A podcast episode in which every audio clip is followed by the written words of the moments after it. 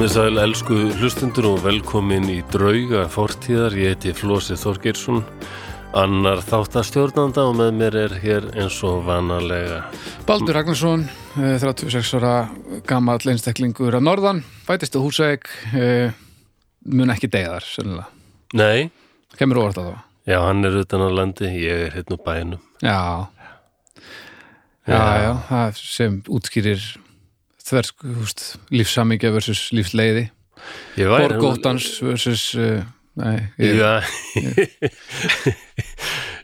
ég væri líklega aldrei öðruvís ef ég aðlest upp á húsæk. Ég geti alveg trúið því. Ég veit ekki hvernig. væri þú? Ég ég væri ekki eitthvað svona þorpsfíbl bara. Nei, þú ert nú eiginlega aðeins og, svalur til þess, sko, en þú væri með eitthvað brútal svona nickname, sko. Ó já, það er þessi, þessi nöfn. Já. Þú ert ekki með neitt sérstætt. Hálfviti bara. Baldur, bara hálfviti. Baldur hálfviti. Baldur hálfviti, held ég. Ja, án þess að ég viti það, sko. Það getur vel verið að ég sé, hvort ég sé með eitthvað meira. Er það ekki hann hérna Jóhann hérna hann kunni ekki okkar hann ekki Jóhannsson Jó, við- alltaf Jói Bóndi Já, við tölum um þetta bara í síðasta þetta, var ekki? Nei, ég held ekki Nei. Það hefur verið dómstafur kannski Það var örugglega. Já, ég geti trúið, því. ég held að haukur, haukur við þar hafa alltaf haft mikið áhuga á þessum viðurnefnum Já. Já, það eru mörg við nefninu húsæk, sko. Er ekki, er hann ekki kallað Jói Bóndi bara af því að hann mætti eitt að inn í lóparsokkum í skólan Jú, mér skilst það. þetta er bara svona, þetta er bara svona. Já, já, Maður bara fær eitthvað svona á sig og, já, og, já og, og eh, það er svona allur gangur á því hvort það sé oftast er þetta ógeðslega fyndið Já, svo stundum jáðarar er þetta við að vera rótið og svo stundum er þetta upprunalega meint til þess að meða mhm. En svo líður tíminn og eftir smá tíma þá ónar fólk það. Af því að e, það sem átti að meða er lungu búið að missa merkingu sína og nú er þetta bara orðið persónukenni. Það er það sem ég finnst skemmtilegast þegar að fólk nær að óna það sem það er kallað e, í illurunni sko. Nei, Þetta er kannski náttúrulegt að gefa svona viðnefni. Ég var að lesa um bænda uppreistn á Bretlandi. það verður ekki öllu náttúrulega það Mm, Hvað, ætlaði ekki verið á 15. öldu eða eitthvað? Og leiðtóið þeirra bænda uppreistnar var eitthvað gaur sem var svona, einmitt svona peasant. Svona, hann hétt Watt Tyler. Watt Tyler. What Tyler? Já, 12 A-T Okay. og Tyler T. Eitt T? What? Já, bara eitt. What? og hérna T-U-L-E-R sem er nú vel þekkt en það talið að hann hafi heitið það bara út af því hann var hann vann með flý, hann var flýsaleggjari Já, að leggja svona flýsar í hús eða, wow. þö, í það þög eða eitthvað svo svona tiles. Já, og það sem uh, Margaret Thatcher sem var fórstræðara Thatcher er hérna þakari bara sem leggur þög já, já, Þannig að mörg af þessum nöfnum er náttúrulega bara yðnaðar mann sér hana nú alveg í því. Svona, maður pælir í sko. Jú, jú. Jerry Goldsmith. Hérna. já, svona frekar óbyggjur þar sko. Já, Smith. já maður þurfti eitthvað. Maður að taka þetta upp. Fló, fl, fl, flósi sjúkrali flósi flósi hjúkr. Æ, hjúkr, það er erfitt að segja það. Flósi Bassi eða eitthvað. Flósi bassi Nei, ég, það er engin annar. Já, ég, ég er líklega bara að kalla það Flósi. já, já, flósi ham ertu kallaður Jú, reyndar. Það er aldrei fyndið að hérna, hérna á Íslandi eru menn kendur við sína hljómsveitir. já, Ég stenglemd að segja frá því í svo langa viðtalið Snæbjörn Ragnarsson að það munaði nú engu eða litlu og ég yfði ekki flosi í ham heldur flosi í sálinni. Já, glimtur að segja frá einhverju í þessu viðtali og þarf að fjórir tímar eða. Já, já, Vá. það, þetta var ótrúlega lítið bransaspjall og meira svona um einhverju ha- harm og skelfingu. ég hef ekki að þú bara hlusta á þetta ég bara maður, ég veit ekki hvað ég á langan tíma Ná. eftir á þessar plánundu að En ég var í hljómsveit sem er Típa Tabu og þar var, var ég með manni sem heitir Guðmundur Jónsson á gítar, Aha, Magnús já. Stefánsson á trommur, Jóhannes Eðsson var söngværi ok, en svo hætti ég meðan þetta var poppað. Já, og hérna setna hætti síðan Jói Eðs og þá heldur bara Maggi og, og Guðmundur áfram og, og þetta var sálina sjónsmins já, Það hefði verið kannski svona daldið þægari bara og já. gjöra væli verið þetta var ómikið pop. Ekki, ekki svona mikið listamæður Já, þá bara eflust getað bara haldið áfram. Þetta er nú bara allt og mikið pop fyrir Já, mig, já, ég er farin já, já, ég var bara eitthvað sofa. 18-19 ára og vildi hafa þetta svona harðara eitthvað. Já, já. Sáluna Sjónsmins, mögulega besta pop-pljónsett Íslandsögunar Já, frábær. Algjörlega glæsilegt. Já, ég hef alltaf gaman á því bandi. Vel samin lög. Já, Flott lög, var bara og bara allt fram úr, þetta er bara svo vel gert sko. heiðaleg músík bara. Mjög heiðaleg músík. Sálarflósi Já, pældi því Já, ég, Nei, nei, en ég, ég, er alveg, ég, er alveg fegin að þú ert í ham sko. Já, ég og betur heima þar. Allir, ég veit ekki Já, nú er ég, ég er á fullt af þunglinslu Það er þrjú núna. Já, og þau er náttúrulega farið inn í heilan og breyta öllu bóðefna kerfinu og já, já Þetta að tala í þunglindum þá er ekki bara sama og, og Biggi Jóns gerði hjá póstunum basically. eitthvað bara einhver svona kallaður inn bara heyrðu allt í ruglina, við erum eitthvað að stokka þetta upp. Já, ég er ánægð með það að hann, hann til dæmis bara tók þetta nammi burt. Bara pósturinn og getur að selja eitthvað salkit Já, já ég meina hann er bara þunglýsli fyrirtækja. Spara þar og ekki að kaupa eitthvað súkulega Næ, nákvæmlega. Já, hann er effilegur sko, kemur inn og breytir öllu og svo er bara hættur. Já, er Indislegu maður, Já, hann er útrúlega vel gerðu maður. Ég held samt, ég get alveg trúið því að við þekkjum bygga Jóns sem bara ja, trómara og bara, ei, blessaðu, hvað segir þú? og svona. Ég get alveg trúið því að, að mæta hann síðan í vinnunni samt, þegar hann er ykkur frankantastjóri. Já, Það er svona uh, annar karakter. ég held að hann sé í vinnunni.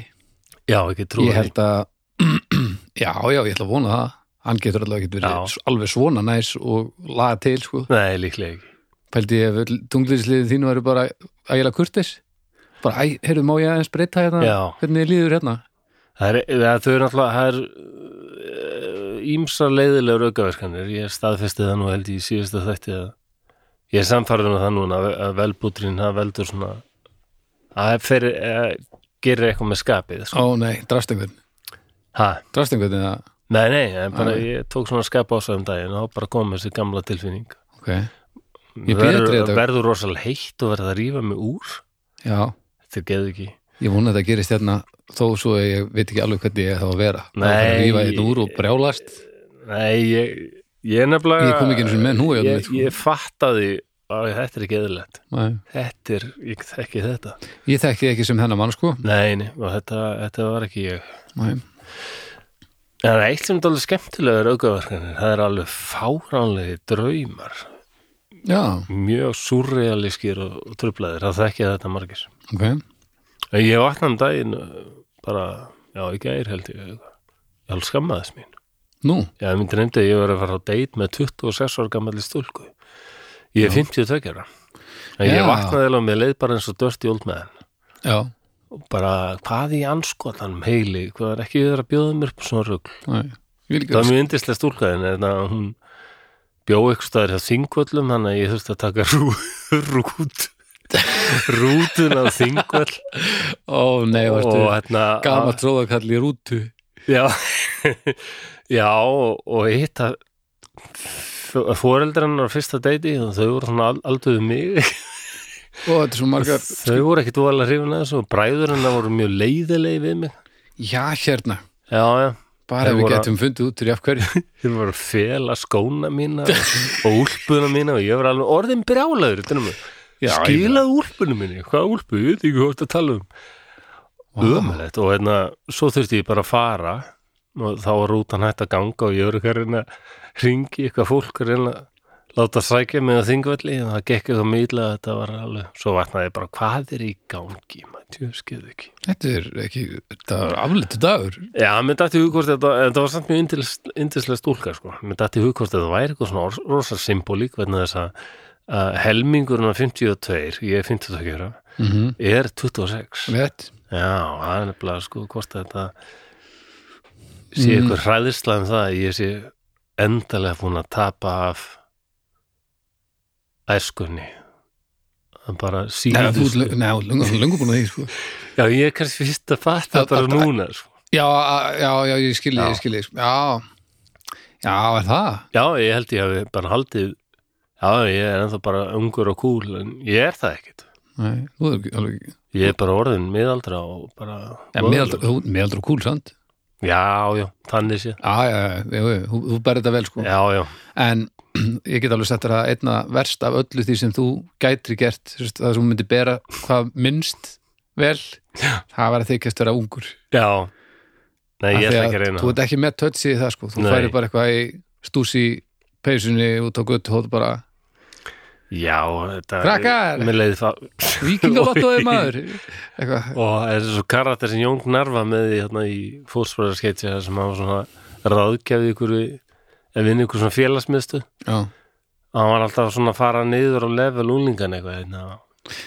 ok, ok og hann var, já, er að reykja, já, allt í lagi með ég reykja líka og það fyndin tíma klassík. Já, mér leiði alveg ég, er- ég vaknaði með skömm. Já, menn dótti mín 26 ára, þetta er bara ræðilegt já þetta, er, er óviðandi líka bara rútuferðin trúið ekki að þið dreift rútuferð? Það er ekki Já, gott. það- Herðu, er, er COVID í drauminu þínum? voru allir með grímuð það? ekki manni til því. Nei, Er þið búin að dreyma það? uh, nei mér minnir, na, það er, örugglega- þetta er ekki búið að hafa það mikil áhrif að fólk sem er grímu í draumunum mínum. Nei, sem þýr að þetta var náttúrulega enn óurbyrgar að þér hérna, þessi, þetta ferðalag. Já, grímulaus í einhverju rútu að- að soða kallast. Hitta heila fjörskildu grímulausa þetta er bara, þetta er alveg eitt risastótt fíasko sko. já þetta líklega er engin symbolik í þessu að því ég held að já, því ég náttúrulega geta að tala við þig þú trúir náttúrulega ekki neitt sko. En ef það er einhver symbolik í draumum Já. þá er sem sagt þarna eru þessi lif að fokka því öllu upp sko því að þetta er bara örgl já, en mér finnst þetta oft fyndið sko hvað þetta er ég vakna oft bara hvaða geðveiki er þetta? Já, mér finnst að Salvóttar Dali get ekki upphugsað þessa síru sko. Næ ég man aldrei draumunum minna nei, ég man þá sjálfnast Mm. en það breyttist þeim því að ég voru að þessi lif sko. Þessi kokteil já, þetta er já, já, þetta er allavega svona hrista upp í einhverju.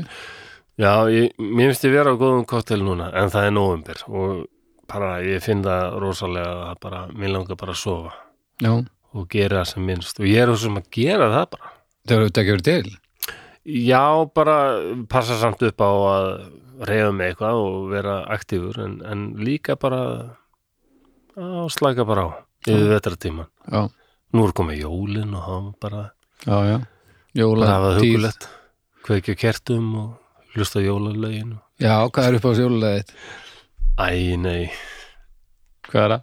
það er fullt það er ekki neitt, það er fullt af fínu jólalögum ég þól ekki þessi það er alltaf þessu sömu tíu jólalög spiluð hérna. já, já, Nei, mitt eftir ekki hugin eitt svona uppáhalds en, en ég veit hvað mér finnst ömurlegast.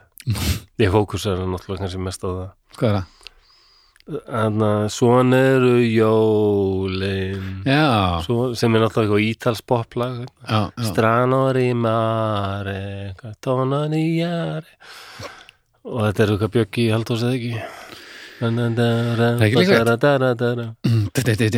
Er svona eru jól alltaf þessi sömu tíu lög Það er svo er til fullt af rockabilly jólalögum, metal, jólapunk, það er alls konar til. haukur sem eru mitt í dómsteðinu Já, hann var að segja þrjú á palli var ekki það komdu til mín 13. kvöldi jóla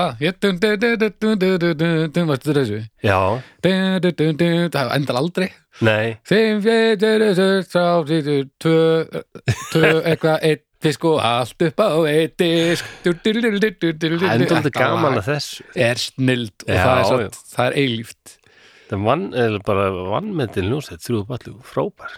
Mér finnst hún frábær alla tíð Já, ég var náttúrulega bara alin upp á 3 og þrjú á palli heimaður sko. já, já, ok.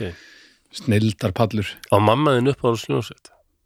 ekki svo ég viti, nei þetta er frábær spurning, nei, ég held ekki Nei, ok. uh, hún hefur, þú veist, hlustar slátt á klassikina og hlustar mikið bara á útarpi líka Mm. og það er svo, ég hugsa til þess að vera svona vikingur spilar víking- eh, svona einhverja plötur Já. að því nýja sko ég veit það ekki, það getur vel við hún farið heim og bombi botliði tækið eitthvað, ég veit ekki. Pappiðum var tónlistakennar eða ekki? Já, tónlistaskólastjóri og, og kórstjóri og, og spilaði undir kóra og, og, og aðeins í, í einhverjum messum og eitthvað sko. Þannig að hefur ekki laumast inn einhver svona klassík í einhver bræður eða? Jú, svolítið sko. En þetta var svo ofbóðslega mikið að maður lítill og svo snar hætti það. Þannig að þegar maður heyrir þessu lög þá þekkir maður músíkina ég get ekki sagt þér númer hvað þetta er af því, þú veist, eitthvað í hvaða moll eða hérna, opus þetta er já, en svona, svona já, Ba- Bach er svolítið minn maður já, Svona. já. er hann ekki allra bara ég Jú, Ég ég allir meina, tónlistamenn bara, ég hef aldrei heyrt tónlistamann segja, mér finnst þessi bakk við ommetin, sko. nei, þetta bara er þetta gott út sko. þetta er flott lög, það er bara ekki hægt sko. ægilega flott lög ég aftur að heyrt sum að segja sko, bara Mozart minnst hann ommetin ég var um að spila ég hef aldrei verið mjög hrifin af Mozart sko, en það er Pressa rosa snild í þessu sko. já, já, saman með Beethoven, veist, þetta er svolítið er bara pressa á þeim. Nú, veist, Æ, þeir eiga að vera svo Bach er svona, er svona slakara væp finnst mér í kringum hann, samt hittir svona uppdrílaðara einhvern veginn. Trillin sem hljóma súpa sko, en hérna en svo bara eins og tokkata og fúka í djemól sko, það er bara heavy metal sko. mm. ég var að spila klassik fyrir Lilju. Hún hlustaði eitthvað bara á til lagi lag sko en bara getur við ekki að heyra eitthvað með rödd? Já, akkurat. Hún vildi fá, vildi fá orðin og söngin sko. Já, ekki einhverja dö, döða mestara Baldur bróður minn er svo ein, eini af tveimur mönnu sem ég hef heyrt segja orðin eiginlega hef ég ekkert gaman af tónlist. Já, heyri það er tveir menn, það eru Baldur Hermansson hálfbróður minn og hérna Jón Gnar hann líka, en svo, já höskuldur en, en mínu það bekk bara hann sagði þetta einhvern tímann líka. Ha, höskuldur mínu bekk hann sagði þetta einhvern tímann en, en og hún trublaði hann ekkert en uh, hún gerði ekkert fyrir hann þá. Nei, vá, það er sérstætt svo er þetta bara ekki rétt, ég veit að Jón hlustar alveg heilmikið á músík og, og Baldur elskar óperur. Já, já, Ég man að en, ég var eitthvað að segja honum hann ætla að hlusta á sinfóníur svona og nei, það getur ekki verður, ver, verður að rött já, já, já. það er eitthvað. Ég er búin að hugsa rosa oft um þetta þegar Höskuldur sagði þetta. Að því að þetta er eins fjarlægt mér og mögulegt ég held þú getur ekki fundið neitt nei, sem er lengra frá mér heldur en að, að tengja ekkert við músík. Ég hugsa um þetta bara svona einu sinni mánuði örugglega. Bara ætlan sé bara ekki að hlusta á neitt núna. Trúið ekki. Ég þarf alveg að tekka á honum. Já, hann er líka svo glæsilegur sko þannig að mér finnst þetta bara ekki mega sens. Nei, Þetta er ekki- en þetta kannski bara bara svona spaman með lögum. En mín er þetta búin að heyra þetta lag? Þetta er, það menna Friedrich Nietzsche og að hafa sagt að án tónlistar væri lífið einn stór mistök. Mm, það er bara tilveran sko bara. Já, já, hann var nú ekki kannski, hann var nú svolítið dramatískur. Já, já, hann var alveg nett þunglindur og allir þessi já. rosalegu hugsuðir þetta, er- þeir eru allir svona bara ó, pældu í því að lenda á trúnói með eins og honum. Skuldbindingur. Þetta er eldhúsparti sem endar aldrei. Nei, segðu. Henda og trúnói með hugsuðum. Hann er alveg einn af þeim svona sögulegu persóna sem ég, ég myndi gerna vilja hitta. Ah, já, er ertu vissum að hann hafi ekki verið hillilega leðilegur Jú, já, ég, nei, hann var það nú vist ekki, sko. ok, en hann gætt vist verið erfiður, sérstaklega var hann orðin hálf rugglaður undir lokin, sko. já, já, já Ég veit ekki svo mikið um hann. við getum kannski líka ekki ef fólk eru veikt og eitthvað undir lokin við maður ekki afskrifa fólk út svo það sko. Nei, herðu, einhver elli glöp og svona. Já, hljókirkjan, við erum að minna þána á mánudum, jómstæður. þriðdum, Það er kokkaflakkið, eða ekki? Jú. Nei, réttið er já. við erum að miðgudum, fimmtudum, Snæbjörn, talaði fólk. föstum Uh, besta platan og hérna, nei, hætti nú alveg. þetta er orðið svo þetta er smust að þetta er svakalegt Þetta er komið. þetta er allt saman vikulegi þettir þetta rúlar viku eftir viku og þið finnið þetta inn á öllum helstu hlaðvarsveitum kynnið ykkur endilega þetta mál Já. en við viljum líka tala um hérna, styrtalaðalinn okkar Jú, við verðum endilega að gera það. Já, það er að sjálfsög Bríó og Borg Já. Brukhús eins og síðastliðin mánuð orðið núna alveg, Það er ekki sjálfsagt að hafa styrtaraðila, það Nei. er bara mjög gott. það er sko alls ekki sjálfsett og það er gaman að segja frá því að hérna, að ófengi bríó sem við erum nú heldur bú- þetta er búin að vera að e- e- agitera agitera var orðið sem ég var að leta jú, jú. fyrir hann uh, þegar tók hafi óvart átt í keppni svona fyrir miskilling þá hérna, uh, endaði hann í, í, í bjórkeppni út í bandaríkjunum. Já, heldur þetta væri sérst önnur keppni eða sérst veg, keppni á vegum einhvers annars. Já, svo kom- bara í ljós að þetta var alls ekki svo keppni en allavega, hann endaði þannig að, að, að áfengislausi bríóin hann vann gullvelun í, í alþjóðlegu bjórkeppninni Brúski Awards í bandaríkjunum. Hann að ef fólk held að við varum bara að reyna að samfara almenningum að þetta veri frábært að því að það er ykkur styrtar aðeilur okkar þá er hér komin rándýr uh, viðurkenning frá útlöndum. Já, já, þannig að þetta er ekki bara við, það er alveg reynu þannig að það er gaman að líka að vera með mitt styrtaræðala sem er að gera eitthvað geðveitt á heimsvísu Já, sem það er er að fara að sanga sér velunum Mér finnst það góður, mér finnst bara gaman að, að auðlýsa eitthvað sem er gott. Ef, mafían væri að styrkja okkur, sko, mér þetta er dálítið erfitt að vera eitthvað miklu flóknara já. og líka bara, já. þú veist, ef að þeim líka ekki blöggið, þá bara hesthaus hesthaus í bólið Já. En eh, ef er ekki nú þegar búin að prófa hérna, ófengislaus áfengislausa, hérna, óáfengislausa það, það heitir bara bjór Ó, eh, Áfengislausi, eh, ef þið er ekki búin að smaka áfengislausa bríóin, þá hérna hendist í það núna og til hamingju með þetta bríó og borgubrukus Já, Þetta er glæsilegt og eru glæð Glæsilega. bara rétt byrjunin á, á glæstum uh, verðlunaferð, Nei, nei. gef ég mér Ekkert bull, bara gull. Já, já. Og svo viljum við að sjálfsög líka minna á fróðsleiki sem er jólabjórin Já, nú, nú er jól eða, veist, það er komið desember. Það er, Þannig að hérna, þið skulle eh, prófa fróðsleiki líka sem er ófengur í hvíla sig á þessum sigruðu góðstrykkjum af og til og fá sér bara eh, heilbriðan, lífrænan eh, bríó, Nákvæmlega. Frúðusleiki. Já, f- og fróðsleikin, þetta er maður verður mitt að taka sér kvíld frá nokkur, og vatni Já, já. og svona maður er aðeins að kvíla sér á þessu vatni Já, sko. stundum það maður eitthvað annað. Ég drekk mikið vatn en ég finn, nei, nú verði ég að leifa mér eitthvað gott. Já, og líka Þess bara að opna eitt fróðusleiki. það er líka bara eitthvað svo tært, ég bara treysti ekki alveg sko. Já, það hefur eitthvað, það er eitthvað, eitthvað gruggut í gangi sko. já, eða þú veist, það er náttúrulega mjög mikið gruggut í gangi í tæru vatni en þú veist hvað ég meina þetta er líklega geimvera, sko, vatnið, sem bara lifir í okkur og á okkur. Já, the stuff. En takk fyrir okkur Bríó, Takk hérlega. er eitthvað sem þú vilt uh, tala um frekar áður en við hendumst í mál dagsins? Nei, ekki nema, hvað heitir það, plugga. Plugga? Já, með, ég fekk gefin, sko, já, eiginlega frá aðdáunda okkar, sem er mjög hrifun á þessu hlaðvarpi. Já. Hún hérna, ægi hjálp, vinkona þín, Nína. Dögg Nína Dögg, alveg rétt hún hérna gaf mér bók og þér líka held ég. Herðu, ég uh, að því ég les aldrei neitt. Nei, Nína Dögg, alls ekki Nína Dögg, Nína Björk.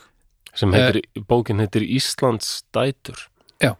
Og sko, hún er mitt uh, var að uh, langa að koma að intakja mig líka. Og ég les aldrei neitt þannig ég afþakkaði.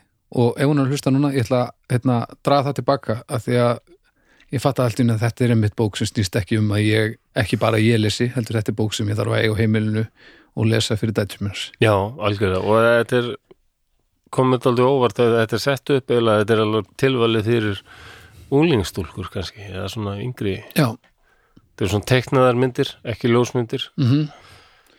Og þetta er bara íslenskar kon og kæ afsaki Þetta er sem sagt að ringi tónnin minn. Æ, ég svara þessu bara setna Hvar var ég? Já, Íslandsdætur. Já. Uh, Þarna er verið að taka fyrir já, íslenskar Já, konur. merkilega konur í gegnum tíðina. Og þetta er bara svona stutt í fyrirferð mm og nýtt með að ég held þú getur alveg lesið þetta. Þetta er ekkit svo Nei, fræðilegt þannig sko. Nei, ég er líka bara ástæð, eina ástæðan fyrir ég les ekki er að því að ég er ennþá handið sem að ég geti ekki að því að ég var að einu sinni að bugast úr aðeinsprest. Já, en þú kannski prófar þetta Já, já, ég meina og um leið að ég fæ áhuga á bóka og líka ég tíðan upp alveg á Já. núleitni sko. Og svo er þetta líka bara mitt taka kapla taka fyrir einstakling og einstakling Já, með já. Lilju bara fyrir svefnin sko. Er það er þetta er- mikilvægt Já, já, algjörlega Þetta er eiginlega svona tímaröðu líka Auður djúbúðgæður þarna og, og fjallahalla fjalla, Þetta er aldrei gaman og skulle vera kölluð það Akkur hefur það aldrei það, með þetta rýmar að það tala um fjalla eyvind og halla. Já, en hún er alveg mikið fjalla halla eins og hann var fjalla halla Eyvind. og eyvindur. Hún var alveg heilluð af fjöllum Mhm. leið þar líklega best þráttur Já. allt. Já, svo Guðrún Ósífur stóttir hérna líka. Þeim var í verst er í unni mest. Mm, og það drama. Já, já, já, og það er líka með þess að núlefandi Íslandstætur hérna. Já, Vilborg Arna, Pólfari. Já, Vala Flossadóttir, Brons Verlunahafi og Olimpíuleikunum og fleiri. Víti Sveinbúða gefið mér. Já, já, já, já, Jóhanna Sigurðardóttir. Já, já. glæsist ég, ég Nína, ég dreif þetta allt tilbaka. Ég, fyrir bókina, Nína. Nei, þetta er ekki gott. Ég var ekki að reyna að vera að fyndin það varst Það smá misveitnaðist alveg eins og hann Nei, við finnst þú eiginlega að minka nú ekkert fyndið þegar að þú efast á meðan þú varst að reyna til nei, Það er best. Herra, ég Já, var að henda já. úr í í málið, ég hef ekki meira Ok, við svona bara skella okkur í þetta. Ekki? Jú, gott fólk, setið ykkur stellingar. Þegar nú er komið að því að særa fram drauga fortíðar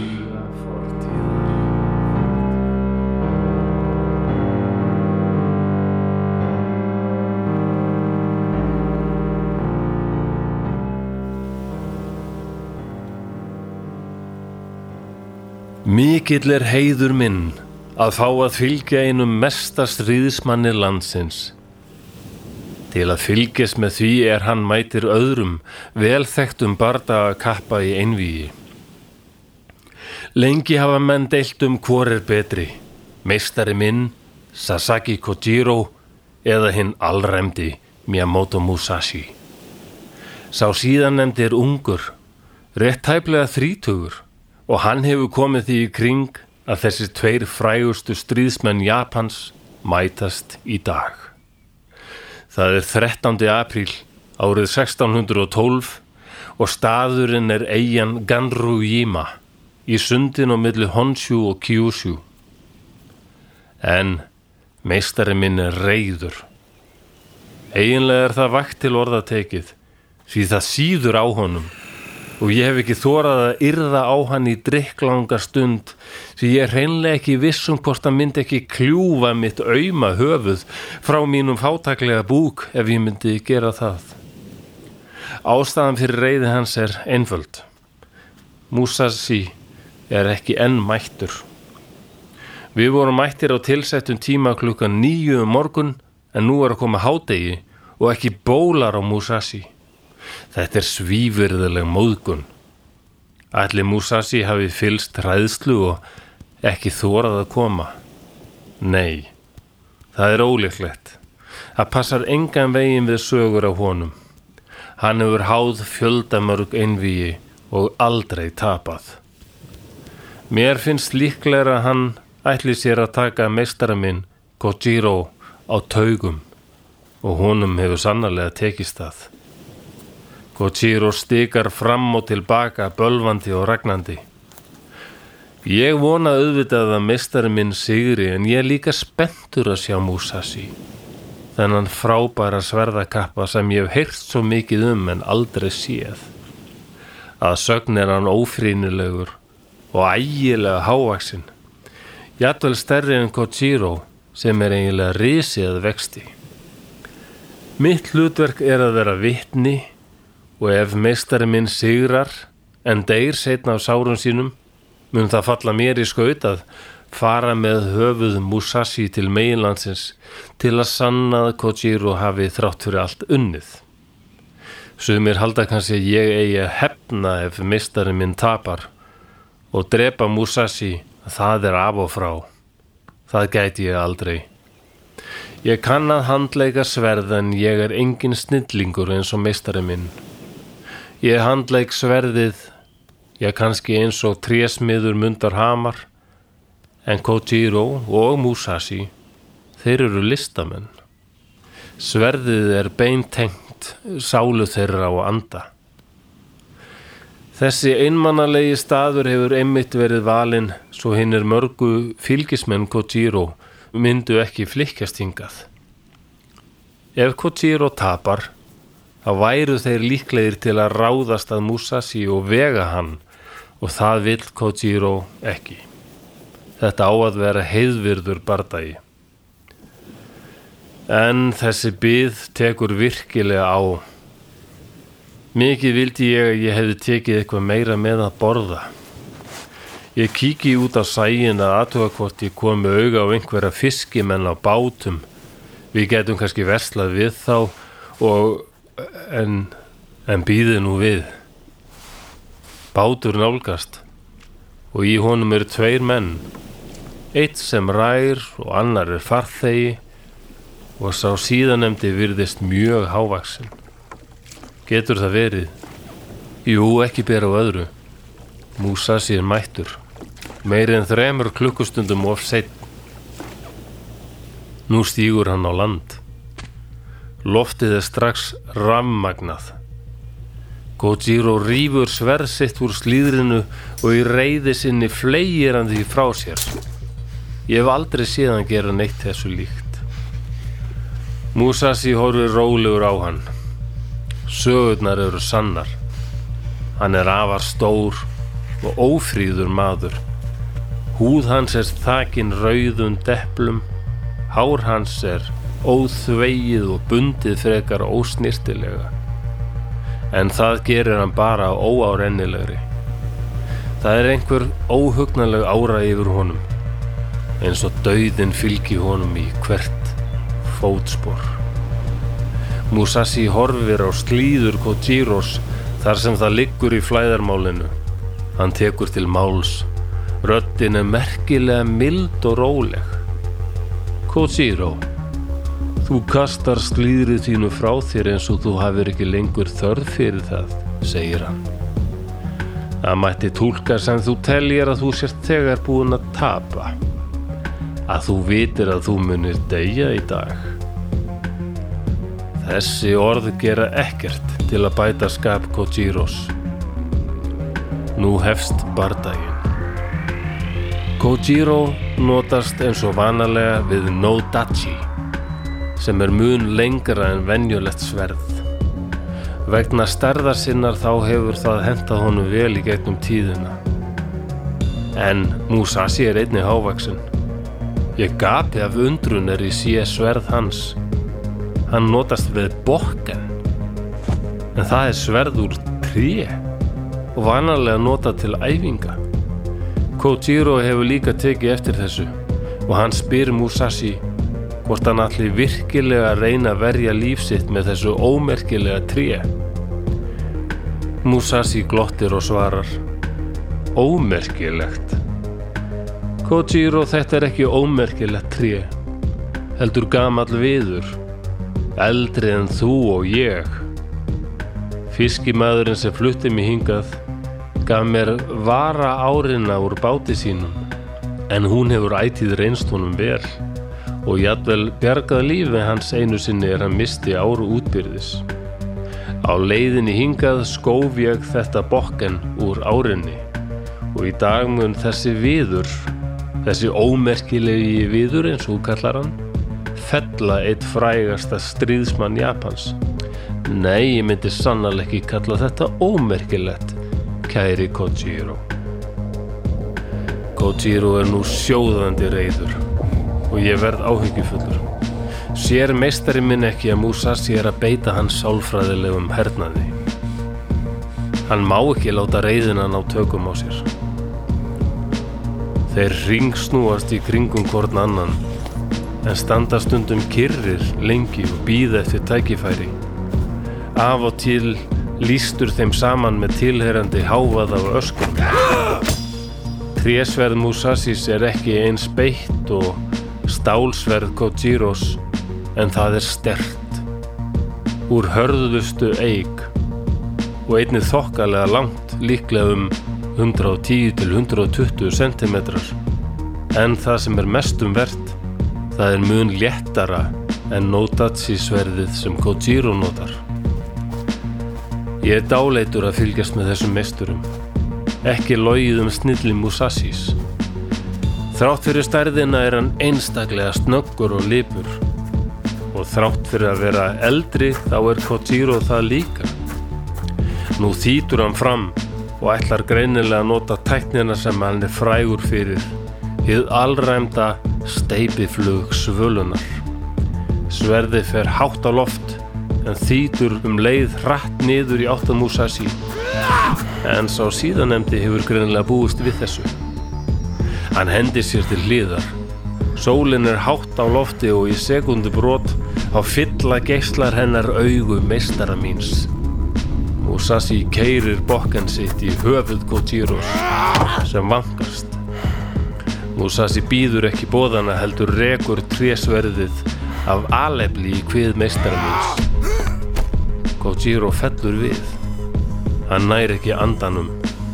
Mörg rifbein eru brotin og líklega hefur eitt þeirra stungist inn í lungað. Hann hóstar blóði, augu hans stopna og hann er dáinn. Ég líti upp í áttina Musashi en hann er horfinn. Hann er þegar komin aftur í bátinn og er á leið frá eigunni.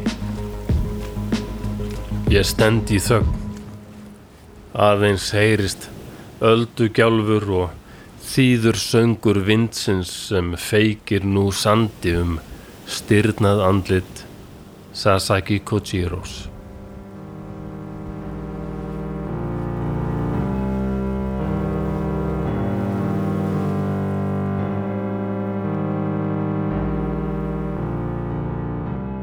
Ok, ég er hættur við búið. Nú komum við aftur og opnum augum og nú förum við baldur eitthvað að bladra um þetta. Þennan ömurlegar samtíning sem ég Þetta var geggjað. fann til þarna. Já, þú ert náttúrulega alveg vöruglega komin í rosa manga fílingu og fann að pæla í hérna, Ekki manga, nei. Já, nei, ég er ekki vissu. Ég, ég veit ekki alveg hvert ég fyrir með hljómyndina en hins vegar að því að ég hugsaði ég voða lítið um það, sko. ok, Ég var Hef, að hlusta á það sem þú varst að segja, sko. hefur séð Sjókun Assassin? Já, Ó, oh, síðan, sko. er svo æðislega. Var hann aftur. Ég sá hana yfir svona 13-14 ára. Það er allt á langt sem ég sá þér? hana senast. Tókstu þér smá pásur frá Exorcist?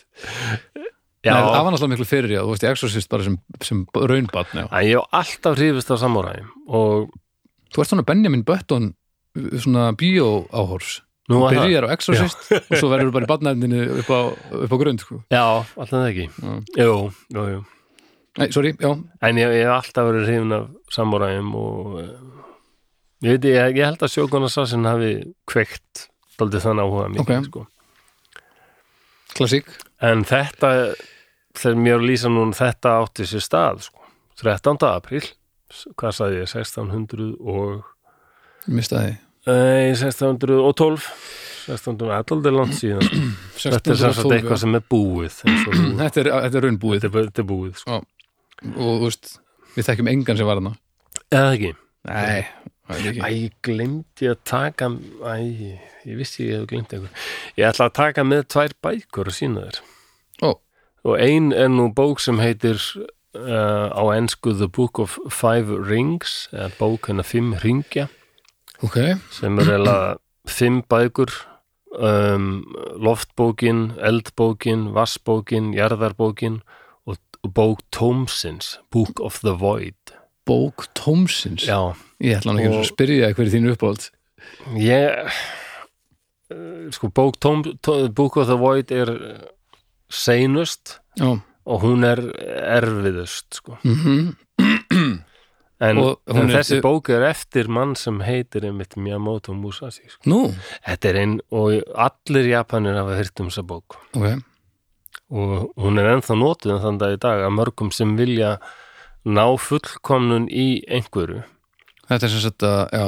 þetta er bara alveg svona strategi pæling sko. Er þetta, hvað er þetta mikið Carnegie?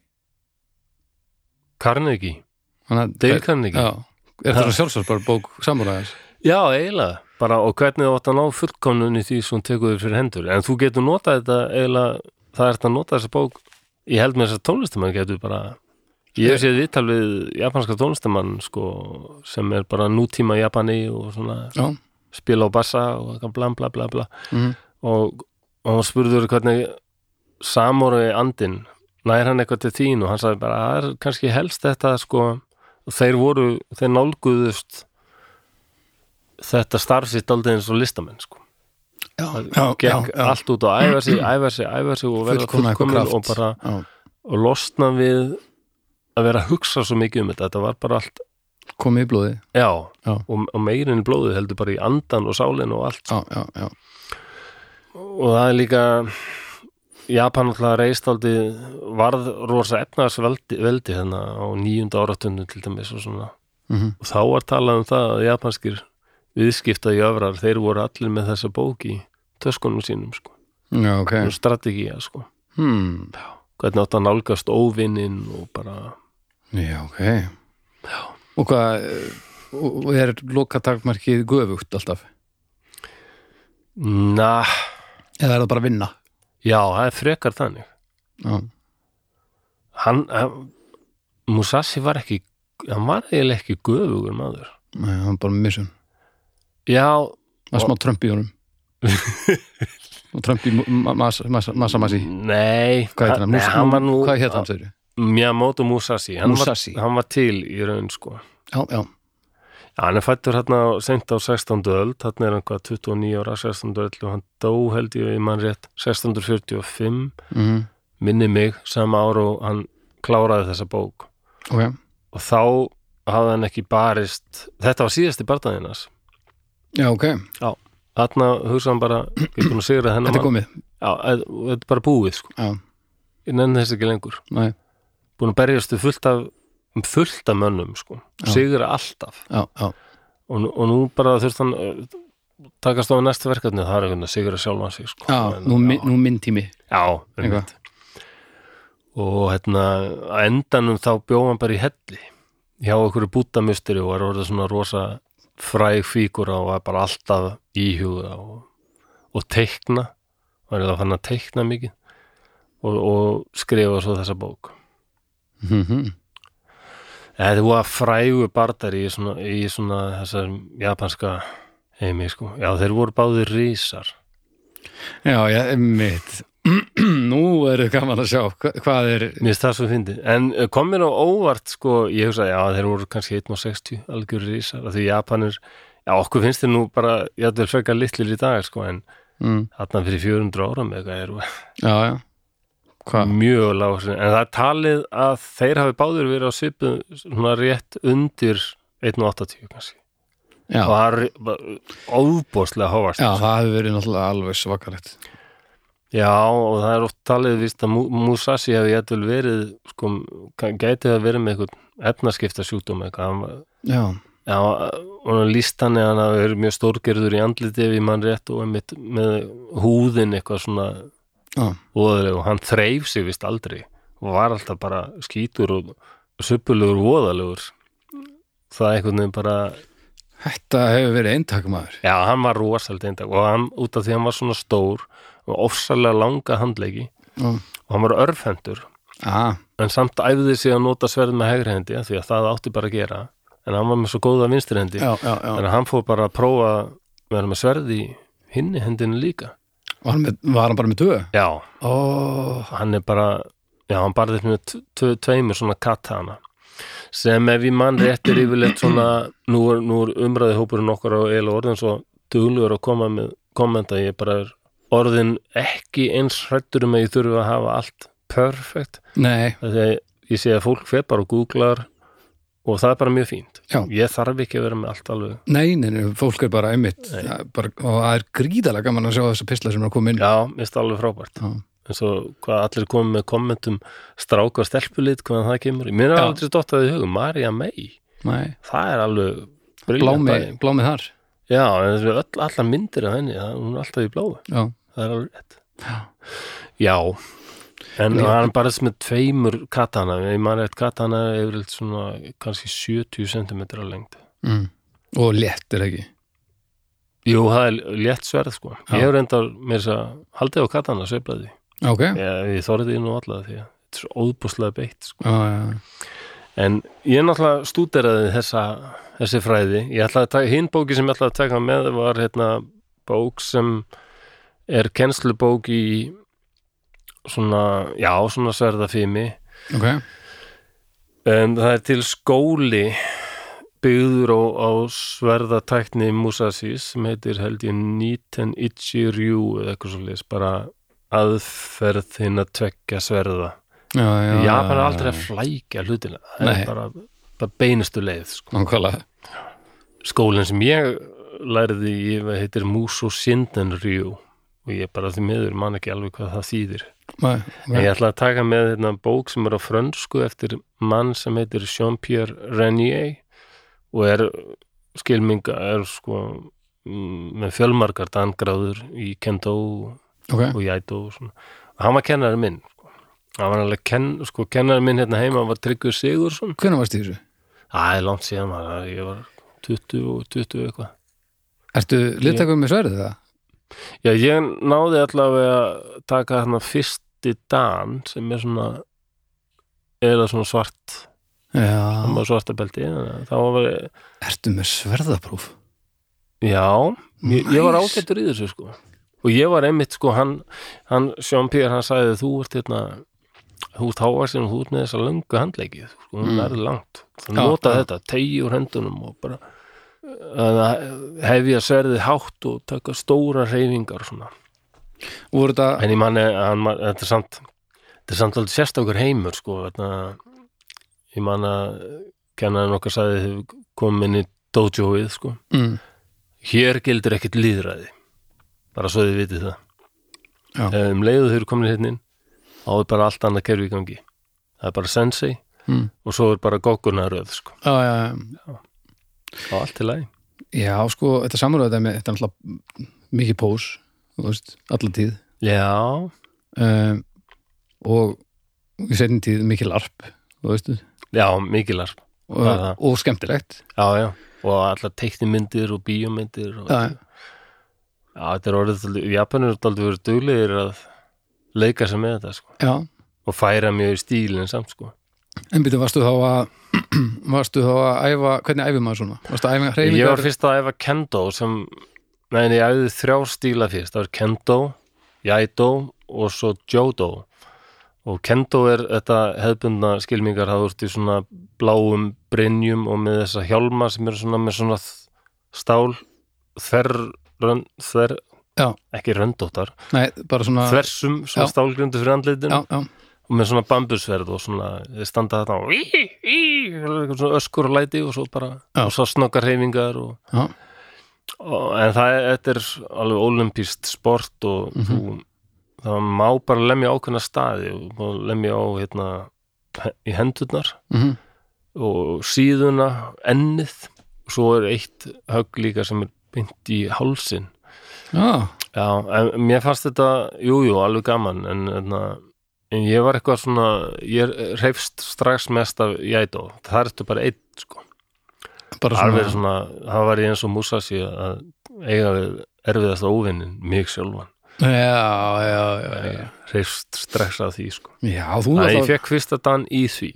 Ok, já, býðu vel, þú þarft ekki að leita langt að erkjófin, sko, Nei, það er hagnaður í því, sko, ég, ég hef alltaf tengt aldrei við hann Musashi sko. Já, En þessi Sasaki Kochiro var líka mjög frægur samuræði sko.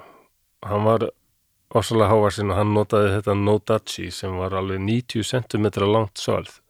já, En, en þetta bokken sem hann bjóð til hérna Musashi, ég átti bokken sko, það er bara Já. svona trésverð. já, Mér finnst eiginlega, ég vall, ég, mér finnst þetta nú, ég á erfitt með að trúa þessu þessu satt sko. Ég held að það sem alveg búið að bæta eitthvað í stílinn hann og það eru sakfræðingar eða sakfræðingar, eitthvað svona fræðingar í Japan sem vilja mér sér haldaði fram að þetta sé allt vitleysa og Musashi hafi bara setið fyrir Kojiro og ásamt einhverjum félögum sínum og þeir eru bara ráðast á hann um að drepið hann. Þannig að það er ég meina, það er alltaf mjög heppilegt að að hinn hefði ákveðið að gera þetta þannig að enginn kæmi að því að hann var svo kurtis og svo vill svo til að, að sagan er svo skrifuð af þeim sem vann jú, jú. og hann gerði, var að, gerði þetta svona reyndar, ég, það kom kannski ekki vel fram í lýsingunni en já, þeir völdu þessa eigu sem er mjög svona ekkert auðvelt að komast til hennar sko, Nei. af því að þeir vildu helst ekki að yrði, eða það mátt ekkert vera áhörundur sko já, já, já, þetta, það var alveg búið að koma þetta var svona opinbert innví, opinbert innví sko Já. og bara einhverju svona officials sem fylgdust með þessu. Það mátti ekki vera áhörundur en samt að þetta spurst út og það voru alveg einhverju áhörundur nú, nú já, já. en það var einmitt einhver hræðslan um það að, að Sasaki, hann var eldri og hann hafði marga fylgjendur að, að, að þetta fylgjendur hans myndu kannski ráðast að Musashi og sem er telja að hann Musashi hefur komið seint til, að því að hann hafi treyst á flóð og fjöru þannig að báturinn hafi borið hann fljótt frá landi það er allskins bardaginn hann tók vist ekki nema bara örfáa mínútur. Nei, ok, hann kemur þarna allt á seint og suma sögur segja hann hafi sofið yfir sig en aðri segja nei það, var, það, það hefði hann ekki gert hann gerði þetta viljandi. Ok. Bara, bara strategið já. Já, og að, mér finnst það líklega því að hann var alveg master strategist eins og sést best á þessari bók sem hann gerði ok. sem er bara um strategi í öllu.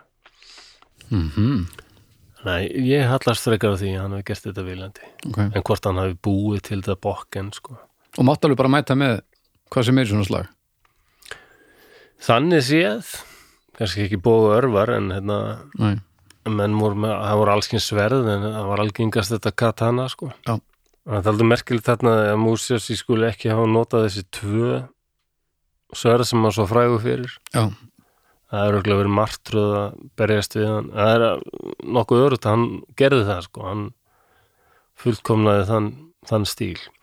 En endan með samúræði þeir voru þeir einu sem máttu bera tvö sverð. Þeir þekktust á því. Þeir voru með þetta katana, mm. venjulega sverð, svo voru með minna sverð sem heit Wakisashi. Sem stundum sumir held á því í vinstri hendi sko. ok, En hann var með tvö. var það þá þú heldur, á, heldur svona öðruvísi að því í bakkvæmt eins og, og töluleikirnir vilja segja manni? Nei, Nei, ekki svona prins og Persia uh, lú- lúkið? Nei, Nei. ég man að við töluðum oft um þetta þegar ég var í þessum klúbhatna og þarna, allt sem ég lærið þarna það var, var enga svona au, að maður ekki, með ekki vera neinar aukarhefingar Nei, Mér minni það að kenna minna svona gefið skýna einmitt þetta þessar kynversku bardalistir mm. hvað það verður mikið prjál og svona bjánalegar aukarhefingar Mm. Japan er bara það er bara frá, frá A til B sko. já, já, já, já bara svona eins og að læra fóta fótagangin í badminton bara Það er, er ein setningur þarna Book of Five Rings sem mann eftir hérna. Ekki gera neitt sem er tilgangslöst Já, það er eitthvað svo ekta svona pæling sko. já. Eð, já, ef þú ert að ná fullkomninu ekki, ekki gera eitthvað sem is of no use eins og Mm. stendur í bókinni. Ok. Gerðu ekkert sem er of no use. Eh, Þetta er svolítið hátilegt allt sem mann í kringum þetta. Þetta er það. Um, Hefur það ekkert linnast með, þú veist, jú, þetta er orðið svona part af einhverju popmenningu eitthvað? Rosalega mikill popmenningu. Já, Musashi er alveg uh, Japan er náttúrulega skýrðu eitt af sínum rosa orðsturskipum í setni heimstyröldinni Musashi ok. sem bandarækjumenn söktu og Ah. líka núna á 5 km dýpið eitthvað. Ok, að mikið sjokk fyrir Amerikana nei fyrir Japani. Að tapa þarna í fyrsta skipti. Já, já, já. þú sko kamikaze þýðir. Hvað þýðir? já, vekkir söguna bak við það. Kottu allavega með hana. Já, eh, kamikaze þýðir hinn guðdómlegi vindur. Og þetta er svo japanst Hinn guðdónlegi vindur. Og hérna, Á, það nei, er bara sko ég vissi það ekki. Japan er náttúrulega voru alveg sko alltaf, það logaði mörg hundru ár sko, það var bara endalaus þessar borgarastyröldir mm en einu sinni stóði Japanir frammi fyrir alveg rosalegri ógn utan að komandi það er, það er nú eitthvað sem ég ánu örgulega eftir að vera með þáttum það er líka veldi sem ég alltaf verið mjög hrifin af. Mm. það er bara að lesa mér aðeins til meira. Það eru mongólarnir sko. Mm þeir ætlu eins og bara voru konni með rosa flota.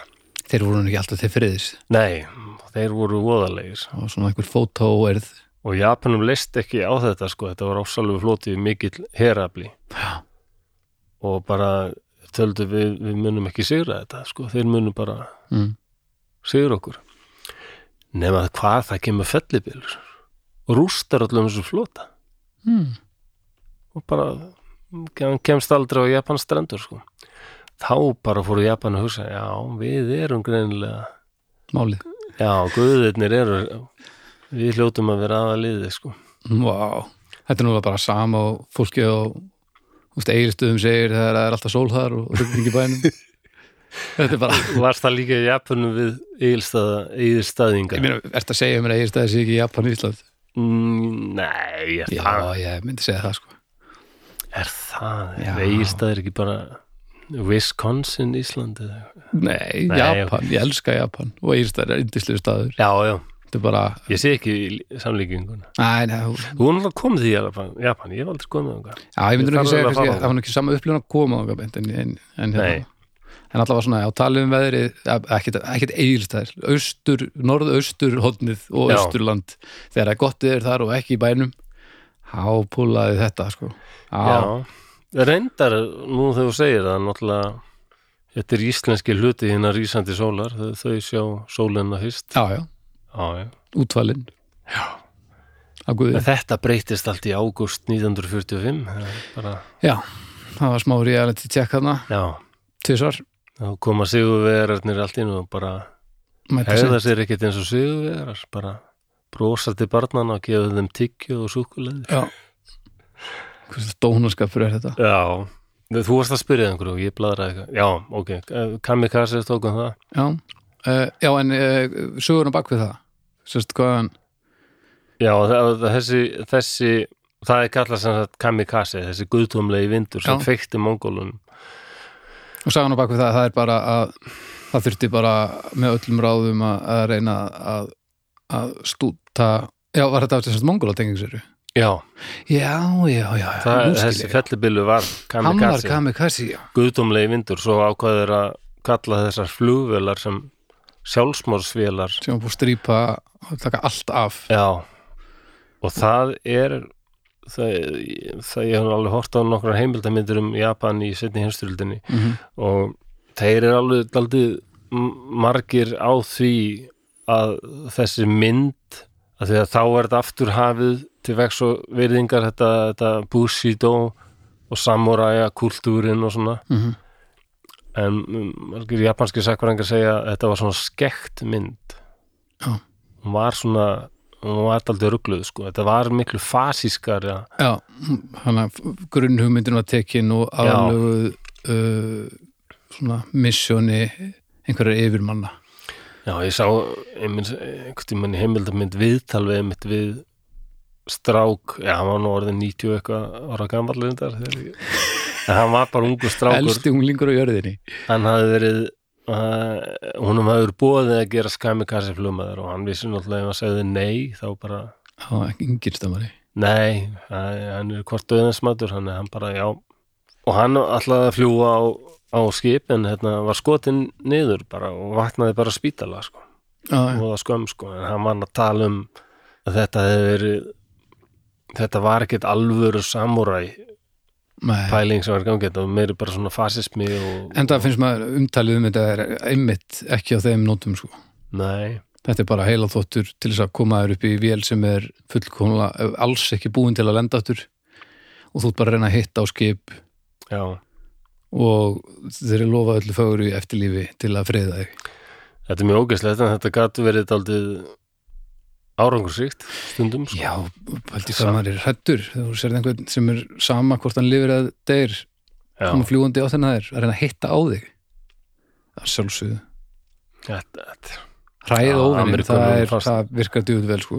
Amerikunum fannst, Amerikunum fannst þetta alveg rosalegt að sjá þetta sko. ég meina eðlilega úst, og hann, fólk í gegnum tíðina hefur nú að leita með öllum ráðum reynda vekja ótta hjá óvinnunum já, hvort sem þú ert með fíla eða eða, eða háaða eða, eða hvaða nú er sko. Jú, jú.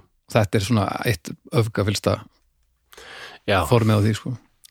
Já, við tölum einhvern tímann um það hérna, að þér fannst nú eins og Japanir hefðu daldið tekist þokkalega á við fortíðina, ég var ekki svo viss um Nei. En jú, jú, og það er alveg margar rattir sko, en mitt þessi kamikassi flugmaður Mm.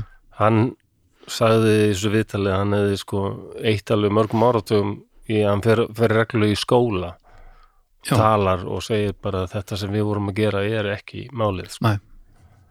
Bara að lífið er gjöf og við um að lifa því Já, ekki kasta því á glæði fyrir eitthvað svona, eitthvað svona vitleysu sko. nei, nokkulega Það er gott að það er fallegt Já, það er gott en svo, svo var þarna sena þar sem hann samt sko fór á sapn og sá svona Mitsubishi Zero orustu flugvel sem hann hafði verið að fljúga. Já, og þá fór hann að skæla þetta alltaf já, já ég meina Það bara er- minni, hann sagði bara áf, minningarnar, þetta er ómikið sko. Það er svolítið mikið búið að ganga á Já, já, Þú ert komin búin að taka upp minnisbók.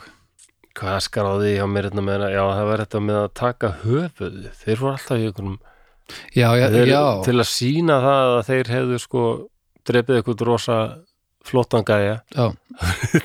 Þetta taka höfuðið á honum? Fara með það. Ferðast með það. Hér er ég með höfuðið af hérna, Takunai Karaoke sem ég hérna, vó klukkan nýju eftir Hvert fer maður fyrir hvert fór þessir hausar? Var bara einhver stofnun sem var bara einhver í Ég er líklega bara sína þínum yfirmanni. Ég er búin að þá í- yfirmann sagt, já, samúræði minn, hann er svo flottur. Hann draf þennan, þarna, sem er samúræði hins og Já, ég, þú veist, vann einhver í móttökunni á, á, á, í hausakóanum einhver staðar á meðlandinu.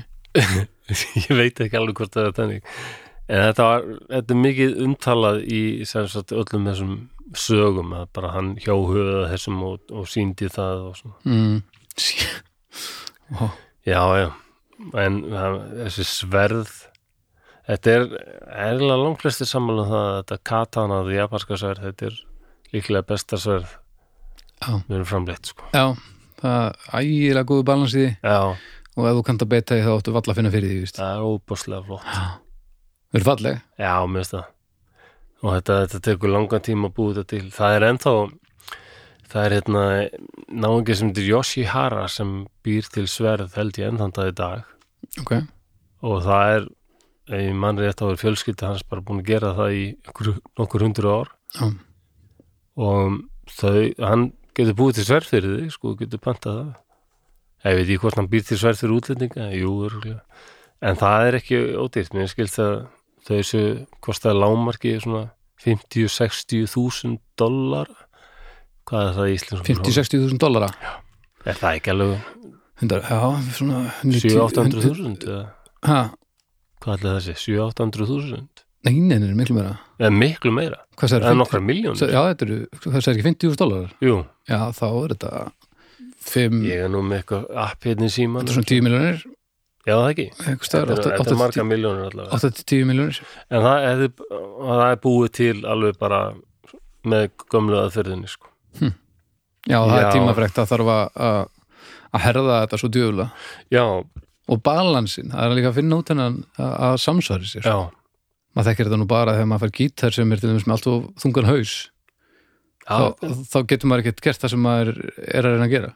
Nei, þetta er er ímyndaðir, Mér finnst þetta alveg þokkalega sambarilegt Sum hljóðfæri eru bara ekkert neginn ekki rétt. Nei, bara, þau eru bara alltaf að reyna að fara. Eða alltaf vesin á sumum hljóðfærum sko. Já, þú getur rétt ímyndaðir að maður að reyna að drepa eitthvað með gítarnum. Ég segi alltaf við svona unga ungt fólk sem er að unga samúræja. Já, unga hljóðsamuræja Já, bara bara þú lappar inn í hljóðfæraverslun þú velur ekki gítarinn hann velur þig. Já, ok, þú, þú varst skarinn lýsum námi hann já. Þú, þú þarf kannski að fara nokkru sinnum í verslunina en þú tekur eftir því eftir, og ef en, engin gí- gítar kallar á þig þá Mm. voru bara að býða En það er bara einhver, ekki komin það er bara einhver 15 skona Yamaha útilegu gítar sem eitthvað bara Psst, hei, hei, koti. Já, þá er það gítar. Já, þetta er Yngvi Málmstín. Hei, Yngvi, koti Ég að sína þér svolítið. Ef þetta er einhver yngvi málstund fender.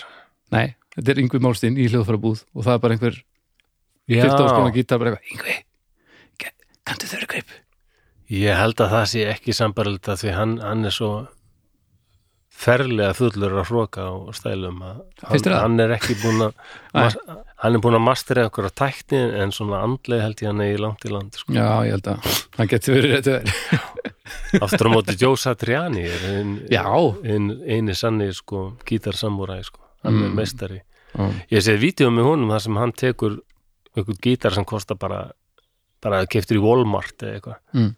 það er á YouTube sem, og bara pluggaði einhvern fálulega lélegan magnara og þeir vilja bara sjá er tónnin í fingrunum. Mm. og það þetta hljómaði bara mjög vel sko. sumir sem, það eru sumir sem geta finna hvað hljóðfærið getur gert og Já. láta það gera það, veist, finna leiðir. Ég er ekkert við sem ég sé rosa góður í þessu. Ég er alltaf leið þessu. Já, framan af sko átti ég bara handónýtan gítar, æfði hann bara í fleiri ár. Svo kaupi ég Martin það var stökkið yfir. Alveg rétt, þú talaði um þetta. Og þá þurfti ég náttúrulega bara að læra aftur úr gítar af því að ég náttúrulega spilaði bara kolvillust og gæti ekki spilað eins á frábæran gítar. En svo var ég svo var mjög stuttur tími sem leið þangli og var mjög góður hann. Já, um, en Musashi skemmið dóldi þessa pælingu hjá okkur að því að nú manni að hann segir í bókinu þú átt ekki að tengja stóð mikið ykkur ákveðnu sverði sko. Mm. Nei, um þetta að bara búið til eitthvað trésverð og já, já, já, að því að sko, aðal vopnið er hugurinn sko. það er bara já, hugurinn og líkamið. Ég er alveg samanlega því sko. Veist, ef þú ert ekki með skrokkinu og heilan í lagi hvort þú mútt að spila músík eða, eða reyna að Ég- tálka hinn áður en hann tálkar þig þá, þá ertu fokkt sko.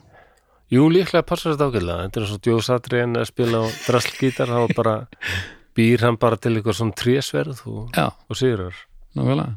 En hérna, er, ég vil ekki hætta þess að þess að minnast aðeins nú á hérna konurnar. Einmitt þetta skekta mynd sem var til í setni heimstyrildinni mm. að konur voru mjög svona, eins og í na- nasista Þýskalandi það ertu bara að vera heima og búa til dögulega litla stríðsmenn fyrir þjóðina Já. og bara hugsa um heimilið og ekki neitt. Mm en það er alltaf fleiri og fleiri já, sannanir.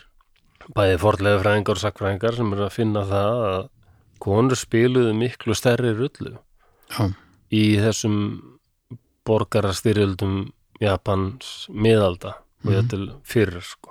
Já, og mér langar ekki sérstaklega að minnast á eina mannesku sem er nú fólk veit ekki alveg sko hvað er hvað er legend á íslensku hérna, Góðsögn. mm eða raunurleiki en það er minnst á hana í allavega mjög löngu kvæði sem er alveg frá ég man bara byrjun 13. aldar eða eitthvað svo liðs ok. Sem heitir Heike Monogatari sem er svona langur texti sko og etna, þar er sagt frá mannesku sem heitir Tomoe Gosen Tóma góð sem um, en það er alveg vitað að það var sko já sko, en þetta var alveg á miðalda Japan, það voru konur náttúrulega, þær voru þessu tradisjón hluturki eignast börn og bara hugsa um heimilið. Mm en samúræjar voru náttúrulega daldið magnaður kallar sko, þeir þurftu nú að eiga daldið magnaðar konur. -hmm.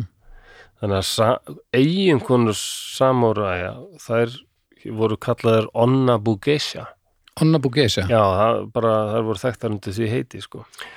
Sem, e, sem eiginlega þýðir bara hérna hvenn stríðsmaður. Ok.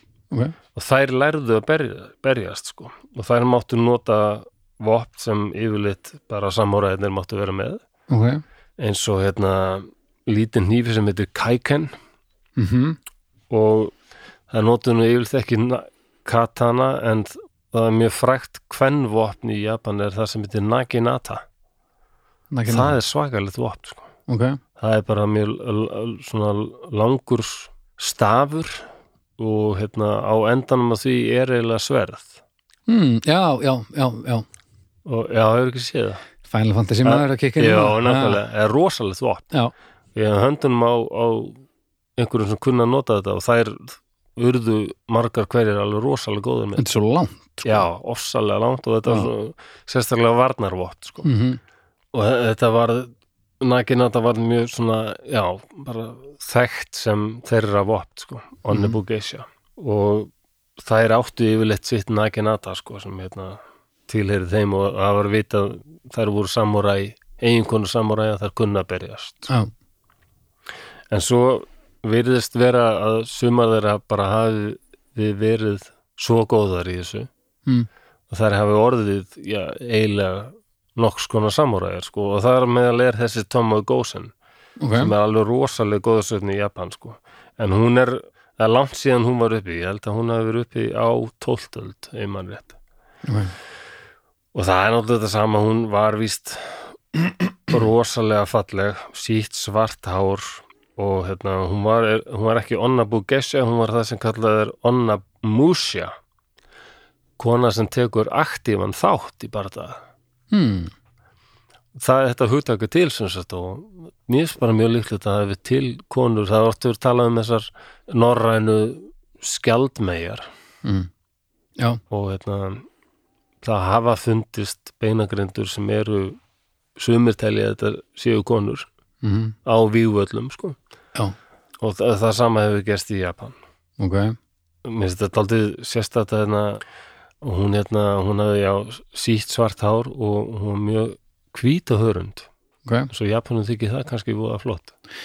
Þeir reyna enn í dag sko. Þú getur keft svona þeir selja hvítunarkrem eins og við seljum brunkukrem. Já, ég vann með konu frá Philipsheim Já.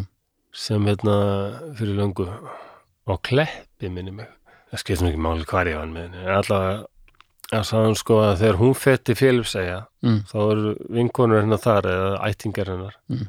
all, allar að dásta því hvað hann er föl. Já, ég veit það. Ó, guðgótt fallega föl maður. Ó, Ég svona er að vera á Íslandi þú bara verður ekki já, ég var að ég var að fara bara að flytja til Íslands vera, já, og við bara, ó, fara til Benundum og vera brút ég veit það, brunkukrem versus, þetta er hvítunarkrem sem Já, alltaf að í vera auðvitað núti já. og það, þú veist niðurstaða hugsunarháttur mannkis er þannig að það er aldrei neitt sáttur, punktur. Nei, þannig að allir alltaf pínu óvan að þeir dagurinn sem þegar mannkynnið losnar í hégóman það verður stórkostlegu dagur í sögum mannkynsins. Já, og, og, og ekki í alvörunni.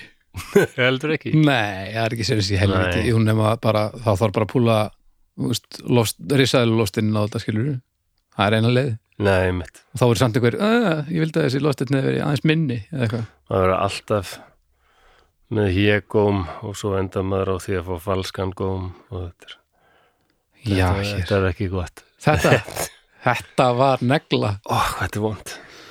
Új, bara. Já, þetta var svona já, þetta var blúsur viðleitni. Já, já, þakka þér fyrir. Já, en og hún var hún var falleg og hún var óbóðslega góð góður strísmaður, rosalega hún var óhrætt, algjörlega í barða mm. svakalega góð um, uh, reyðkona, heitir það ekki? Góða jú, sveiflandi sverði og óbóðslega góð með boga. Já, og hún þjónaði hérna náunga sem hétt Yoshinaga hún var eiginlega hans samóræ ok. En það bendir allt í þess að hún hafi nú verið meira heldur en bara eitthvað svona uh, samúræði heldur. Það hafi verið sterkara samband þeirra á milli. Já, Hún ok, bara hafi verið kærastana segla. Sko. já, ok Já, já, já. Og barðist með honum í mörgum orustum sko, er fræg einmitt fyrir að hafa í einni orustu einmitt, það kemur komið að þessu höfðadæmi sko, sko skorið höfuðið af einhverjum sjö, átta hermönnum sko. vesenið á þessu liði Já, er, ég hugsa þetta meira og meira núna þegar ég er að horfa heimildamindir ég var að horfa á heimildamyndum stríðið í eyðumörkin þetta setni heimstöldin til dæmis Mm. þannig að það var einhverju þjóðverur ítalir og brettar já, já, já, í einhverjum sandstormum og kemur einhverja skriðrika og hana, ham, fara yfir Líbíu og Túnis og Esenast og, mm. og alltaf hugsa maður meira og meira af hverju já. en Já. mennaður þetta er, til hvers sumir þurfa bara aukafyllri tilgangun aðrir en Já. sko en þetta er rosa vesen bara mann þetta er ógeðslega mikið vesinn og sko, og þetta hausadæmi sko, til dæmis, skil, ok, taka einn haus. Ég skil að pínu svona ef þú ætlar að reyna að ræða fólk eða svona sanna og sért eitthvað, "Yeah, ég er klikkaður og passar í bakpókan og svona. En ert með sjö, hvað ætlar að gera? Sjö haus? það er held ég, já, það er það hefur verið einhver, einhverju svona minni áttar kallar sem þurftu já, bara haus, hausbera? Já, hausbóka kallar Já. Hanna, vond og pældi, þetta lið þreif sér aldrei og svo var að yfir- svona yðurlega að ferðast með nokkra hausa. Þetta hefur verið alveg hell. Já, segðu. En svo í þetta síðustu orðstunni þá tapar þessi Yoshinaka og hún, hún allar að deyja bara hans, við hlið hans hann segir henni bara að fara því að hann, það sé svo mikil skömm sko ef hann hérna deyr og, og hún með honum sem stríðsmaður hans að veri og mikil skömm þannig að hann, hann bregst nú þarna á úrslita stundinni þá kemur karaldremban upp sko. hm. eh, kom ég þessu vel frá mér eða Já, ég held, að, ég held fyrst að þetta væri jákvætt sem að hann væri að reyna að senda hann í burtu að því að það væri vandræðilegt ef tveir stríðsmenn en það var meira sérst að, að svo að sumir tólka þetta þannig að hann bara, hann vildi ekki hún myndi deyja sko, hann bara, hann elskaði hann og svo heita, bara farðu, nei farðu. En og það, hún er ekki vilja að fara. Já, og þá er hann kannski sagt sko nei það er svo mikil, farðu, ég vil ekki að þú sést þetta hjá mér, það er svo mikil skömm ef þeir sjáu þig þetta með mér. Og þá er hún orðið orðslega fúl og sorgmætt og farið, mm, þannig að hann var að vera vondur við hana til þess að berga lífina skilur já, samt líka pínu hvað, hefði hann gert við Þetta er svo venjulega japanst Japanir eru alveg, þetta eru rosalega dramatrótningar og pælir í já, já, já, já, já. það er líka að sjá fyrir japanska myndir, þeir eru alltaf öskrandi og grenjandi og... já, já. Og, og bældir þessum en hérna en, þú veist hvað? Já, bældir, bara, og heyri bara hvernig þið tala. Já, já. Já, bara, Já, hún mátti ekki horfa- Krista fram, krista fram ykkur orðaðu og þú mátt ekki horfa á aðra og svona eitthvað. Þetta er svo flókið allt saman. Og þú, veist, þú mátt ekki rekka við þá ertu búin að Heyrðu. kalla skömmi yfir ættina en að þú veist, 300 ára aftur í tíman og þetta er allt í þessu sko. Ég man þegar hérna, heimsvættarskemnin knaspinu var og hérna, japanska landslið vakti svo mikla aðdánu hérna á Vesturlöndum þegar þeir þrifu búnir settingið þessi alltaf. En man ég að allir voru aðstæðast þá sagðir þú þetta er bara algjör trögl, þeir þetta bara þetta þeir eru svo hrættur um að þeir að einhverjir löngu hornir ættingar sko verður þeir reyðir við og þeir komast ekki til himnaríkis eða eitthvað svona. Já, ok, Við minnum að þú var sagt það. það getur vel verið en, en, það þarna- meikar nefnilega alveg senn sko. en okkar maður hérna, hann er, hann er í ruglunu að deyja og, og stríðis Þessi Jósunaka hana. hvað hefði hann sagt við einhvern annan stríðismann Nei, það, hann hefði alveg skilið það að þeir vildu deyja með honum það, já, það er, þá er þetta, þú veist sama hvað hann er að gera þá er þetta kallarinn já, þetta er annarkort karlæpa eða þetta er bara eins og Guðrún Ósvíðsdóttir í Lagstælsögu, sko, þeim Já. var í vestir unni mest og við vitum ekki hvort hún, hvort hún er að meina kjartan eða bolla, sko. Algjörlega, E, já, ég sammála þessu en ef hún er alveg stríðsmaður þá á hann að dörrullast til þess að koma fram við hann sem slíka Já, en hún var, hún var undartekning, reyndar, að því hún var kona, sko. Já, og En kannski ég held að það hafi, við Já. sjáum alveg í sögunum, það hafi verið undantekningar á þessari kartarembu feðraveldis. Það hafa verið konur sem hafa verið Æ, bara byrjandar hafi mist kúlið eitthvað á síðustu metrunum að því að hann var búin að vera að standa sig helviti vel. Já, það er, ég veit ekki. En þú veist, finnst, aðrir tímar, skulum við segja, aðrir tímar við getum ekki, ég get ekki verið að klína á hann það sem að mér finnist hann ætti að gera með það sem ég veit í dag, ég ekki nefnir fyrir því. Sko það er sena þarna í ég held að sé Yojimbo Hmm. sem Sergio Leone stældi hana algjörlega þegar hann gerði hérna Fistful of Dollars Clint Eastwood, Já, já, það er bara japansk mynd sko. Já, já, já, já. og ég frétti það að ég heyrði það eitthvað stær að Akira uh, Kurosawa sem japanski leikstjórnins gerði Yojimbo Mm. hafi sendt honum bréf Leone, hérna, ég sé að þú er að stæla myndina mína hérna og bara gera eitthvað vestra upp úr því og ég er bara að láta vita að ég er ekkert alltaf ánægð með þetta og ég heyrði það sögu að Leone hafi alveg bara ætt inn í íbúðinni á einum vinni sínum og svo, sjáðu þetta bref sem ég er að fá? Sjáðu þetta, ég fekk bref frá Akira Kurosawa. Og vinnur hans las brefið en sagði- Sergio, hann er alls ekkit ánægð með þig. Það skiptir einhver máli, Já. þetta er Akira Kurosawa. Nákvæmlega. hann veit að ég er til. Já. yes. Og hérna já, en það er senaðin Jósimbo það sem er Toshiro Mifune sá æðislegi leikari. Hann bjargar hérna hjónum Mm. Og segir þeim að fara og þau eitthvað krjúpa og byrja eitthvað að þakka honum. Hann bara, hvað er að gera? Ég er að þakka þér elskuðunum, ég þú er ekki svona helvítis væl drull eitthvað bört því ég dreip eitthvað þú er anskotarsvæðin bara. Þú er ekki svona, verður öskur reyður sko. Heiðalega að svona tímasparnaður. Þó svo að kannski ekki alveg eins gott uppgjör fyrir hjónin. Vist þetta eitthvað svo opbúslega japansk, japansk sena Já, þú veist, ég held ekki að þegar maður er búin að vera stríðsmaður ekki lengi þá svona nennir maður ekki lengur að taka þátt í farsanum sem casual uh, kurtisi er. Ég held að maður sé laungu því að eiga samtalið. Já, ég er bara, Já, já, já, já, já, ég er búin að treffa þetta marga, já, viltu sjá hausinn eitthvað? Maður nennir þessi ekki nei Það er enda rétt. Það er gaman að, að þeir, Japanir hafa þess að þeir geta deilt um þetta enn þann dag í dag sko.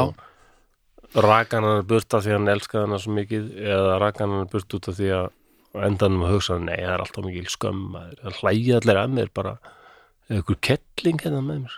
Er það, Þetta er Japanir ennþá að tala um í dag sko. já, og Tomoe, hún, hún hvarf eftir þetta. Hún hvarf? Já, ok, og maður sem við segja að hún hafi endan bara farið í bútaklustur og orðið eldgömmul sko. já, já, aðra sögur að segja að hún hafi verið tekin til fanga og, og gifst einhverjum öðrum kalli og bara já, og enn einn saga segir að hún hafi bara farið í einhvern hendarleiðungur og dreipið bara fullt af einhverjum gaurum sko. og það er náttúrulega hún er líka svona orsaleg góð sögn sko. já, hljómar þannig. blessu í Japan. Já, ætlaði ég að segja þér eitthvað meira? Nei, við erum búin að bladra svona mikið en við erum búin að bladra slatta en ég meina, þetta, en ef þú ert með eitthvað meira, mér finnst ég tala svo mikið eitthvað og Það er þú bara, þetta- já, mm, það er að ég veit ekki um þetta en, og mér finnst þetta svo skemmtilegt. Já, ok. Þetta er skemmtilegt út, sko, því að þessi heimur þetta, er, þessi samúræ menning ég hef ekkert skoðað þetta, ég hef ekkert verið að kafa í þetta. Maður verður, úst, maður sér ákveðið magnað þessu en það er svo litað af popmenningu nútímans. Já, það er það en það, mér finnst það alveg æðislega skemmtilegt mjög skemmtilegt ég hef stundum hugsað af hverju, við erum alltaf bara 360.000 Japan eru 100 og eitthvað miljónir sko. mm. ég hugsa stundum ef við Íslendinga værum kannski 150 miljónir værum við ekki búin að gera nákvæmlega sama bara það er fullt að teiknumdasögum og, og dóta eitthvað með vikinga Íslendingasögurnar og bara eitthvað. Gunnar á hlýðin enda eitthvað þetta var alveg hryllilega seiflandi fullt að sverðum og drepandi 15 menn á sekundu eitthvað svona Já, já. Jú, já, bara fullt af línum og rimmugígur þetta væri bara rosa frækt vopn og eitthvað svona. Já, já, ég meina og hann náttúrulega aðrir bara að gera þetta fyrir okkur. Já er það? Jú, já, já, Þór og, og tölvuleikirni núna of War Víkingadæmi. síðast ég var í í Norranna góða heiminum og, og núna var ekki Assassin's Creed núna nýjasti leikurinn, hann er í sama sama fíling, já. Það eru Íslendingar með, með aðalhutverki í leiknum og, og ykkur íslenski leikarar? Já, hann hérna gerist hann hvar í miðgarðu þá ég veit ekki, nei, þetta er nú- yfirleitt svona, já, þetta er í einhvers staðar, fornað hvort sé bara nú er eða eitthvað, þú veist eða þú veist, hvað sem það heitir þá. En eh, ég bara er ekki alveg búin að kynna mér hvað hann liggur, sko. En ég held að Aron Móli, hann er með eitthvað lutarkarna og það er einhver sem er með alveg aðal, er ekki, hvað heitir hann? Sem, Aron Móli? Hver, í atomstöðinni, hvað heitir hann? Að, Guðm, já, Guðmundur eitthvað. Já, ég held að hann sem er eitt af aðalhuturkunum þar, sko. Hann var líka eitthvað hann í Witcher. Hún byrtist þar líka skilst mér. Byrtist hann, já, ok.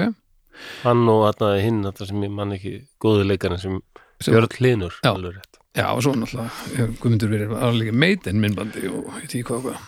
Já, já, En já, hvað, ertu, ertu komið með þetta? já, ég held að þetta var nú rugglingslegt fannst mér Var þetta?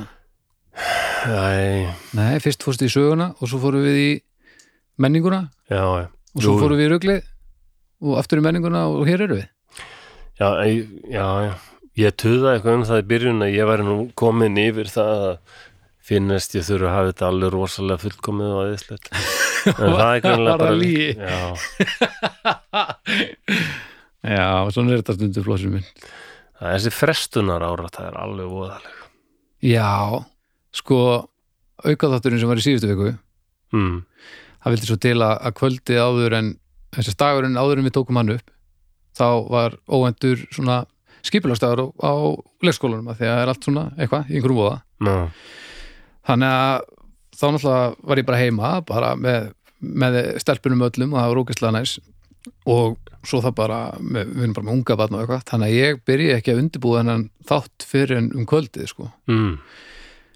og þá og, þá ég var að til hálf fimm morgunin held ég að setja þetta saman Nú er bara eitthvað já, já en svo, Lilja mín, þú þarft að fara í háttin en svo fer pappi að gera góða þáttin Nei, að bara, þetta er, þú setur sagt dótturinn í háttin og svo brunar þú bara út og, og klárar að gera þáttin basically Já. Ja, Þetta er rosa já, ég en sko, þetta að því að, öfunda það ekki. að því varst þannig frestunarortu þá ég hugsaði nefnilega hann um nóttina að ég hefði nú kannski átt að gera úst, ég hefði nú kannski átt að gera all-nighterinn aðeins fyrr þannig ég er ekki jafn þreyttur þegar við varum í tökum mm. en eðlið von- svona all-nighters það er að þú, þú gerir hann ekki fyrir þú þarters og það þýðir að þú þart að gera á síðustu stundu.